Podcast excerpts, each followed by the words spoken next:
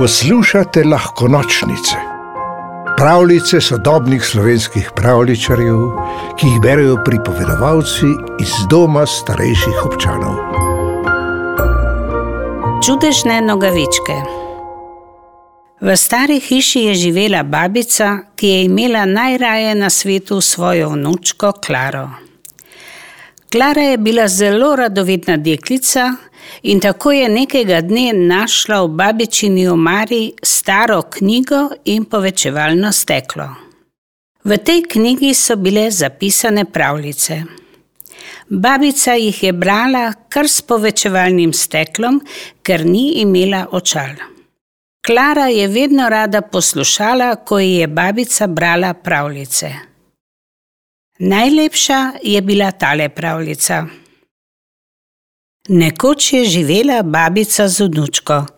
Ker je bila babica zelo revna, je vnučki na božični večer podarila le majhen zavojček, v katerem so bile doma pletene tople bele nogavičke. Vnučki nogavičke niso bile všeč. Ne, tega ne bom, le kaj naj z njimi počnem, saj imam toliko lepših nogavičk. Rajši bi sladoled. Zavojček je odnesla v vas in ga pustila ležati pod velikim drevesom. Mimo je prišel sosedov deček, ki je imel le pet let. Našel je zavojček. Le kaj je v tem zavojčku? Pobral ga je in odnesel domov. Doma ga je odprl in našel v njem lepe bele nogavičke. O, kako lepe nogavičke, ravno takšne sem si želel, je vzkliknil. Hvala za te lepe nogavičke. Tako jih je obul, saj ga je zeblo v noge. Nenadoma mu je postalo zelo toplo, noge so kar žarele od toplote. Deček se je sprehodil po sobi in zaklical: Joj, kako lahek sem, kar privzdiguje me, saj se sploh ne dotikam več tal.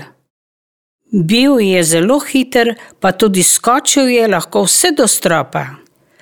Ugotovil je, pa saj to so čudežne nogavičke. Koma je dočakal jutro, da vsem pokaže svoje nogavičke. Že na vse zgodaj se je sprehajal naokrog po vasi. Srečal je tudi vnučko, ki je prav te nogavičke zavrgla. Poglej, kaj zmorejo moje nove nogavičke, ji je zaklical. Joj, zakaj sem vrgla nogavičke proč, je pomislila vnučka. Ampak bilo je prepozno. Pravljico napisala Neja Verbek, pripovedovala Mija Krsmanovič. V deželo princesk, zmajev, gozdnih vil in ostalih čarobnih biti ste vabljeni na lahko nočnice, pika si, pa lahko noč.